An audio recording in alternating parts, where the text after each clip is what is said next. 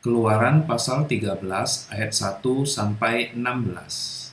Berfirmanlah Tuhan kepada Musa, Kuduskanlah bagiku semua anak sulung, semua yang lahir terdahulu dari kandungan pada orang Israel, baik pada manusia maupun pada hewan.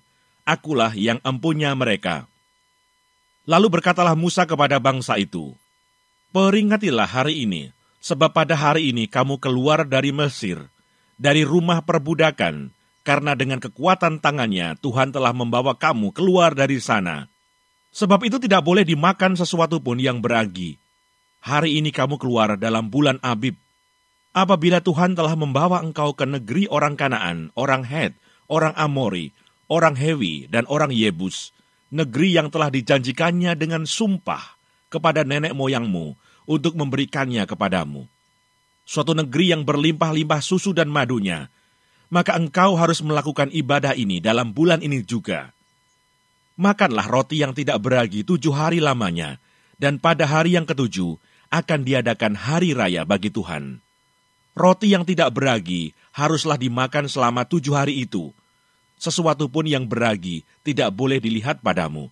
Bahkan ragi tidak boleh dilihat padamu di seluruh daerahmu pada hari itu harus kau beritahukan kepada anakmu laki-laki, ibadah ini adalah karena mengingat apa yang dibuat Tuhan kepadaku pada waktu aku keluar dari Mesir.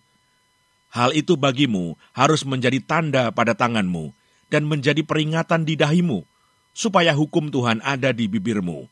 Sebab dengan tangan yang kuat, Tuhan telah membawa engkau keluar dari Mesir. Haruslah kau pegang ketetapan ini pada waktunya yang sudah ditentukan dari tahun ke tahun. Apabila engkau telah dibawa Tuhan ke negeri orang Kanaan, seperti yang telah dijanjikannya dengan sumpah kepadamu dan kepada nenek moyangmu, dan negeri itu telah diberikannya kepadamu. Maka haruslah kau persembahkan bagi Tuhan segala yang lahir terdahulu dari kandungan, juga setiap kali ada hewan yang kau punyai beranak pertama kali, anak jantan yang sulung adalah bagi Tuhan. Tetapi setiap anak keledai yang lahir terdahulu, kau tebuslah dengan seekor domba. Atau jika engkau tidak menebusnya, engkau harus mematahkan batang lehernya. Tetapi mengenai manusia, setiap anak sulung di antara anak-anakmu lelaki haruslah kau tebus. Dan apabila anakmu akan bertanya kepadamu di kemudian hari, apakah artinya itu? Maka haruslah engkau berkata kepadanya, dengan kekuatan tangannya, Tuhan telah membawa kita keluar dari Mesir, dari rumah perbudakan. Sebab ketika Firaun dengan tegar menolak untuk membiarkan kita pergi, maka Tuhan membunuh semua anak sulung di tanah Mesir, dari anak sulung manusia sampai anak sulung hewan. Itulah sebabnya maka aku biasa mempersembahkan kepada Tuhan segala binatang jantan yang lahir terdahulu dari kandungan, sedang semua anak sulung di antara anak-anakku lelaki kutebus.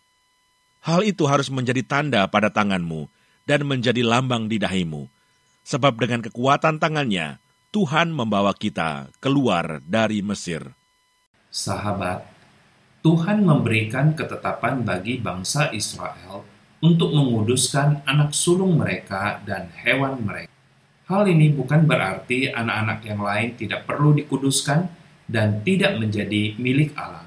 Melalui penghususan anak sulung, Tuhan ingin bangsa Israel sungguh mengingat apa yang telah Tuhan kerjakan bagi mereka, yaitu memimpin mereka keluar dari tanah perbudakan dengan malam sebelumnya membunuh semua anak sulung orang Mesir.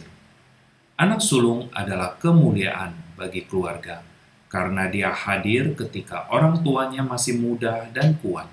Anak sulung juga menjadi anak yang diharapkan nantinya mewakili orang tua dalam segala hal.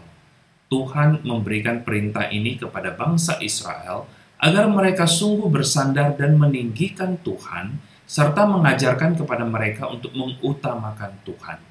Perintah itu tidak hanya diberikan kepada bangsa Israel sebagai bangsa pilihan, kita yang juga menjadi umat pilihan di dalam Kristus Yesus juga selayaknya tidak saja menguduskan anak sulung kita, terlebih diri kita sendiri harus dikuduskan bagi Tuhan yang telah memberikan kekekalan bagi setiap kita. Amin.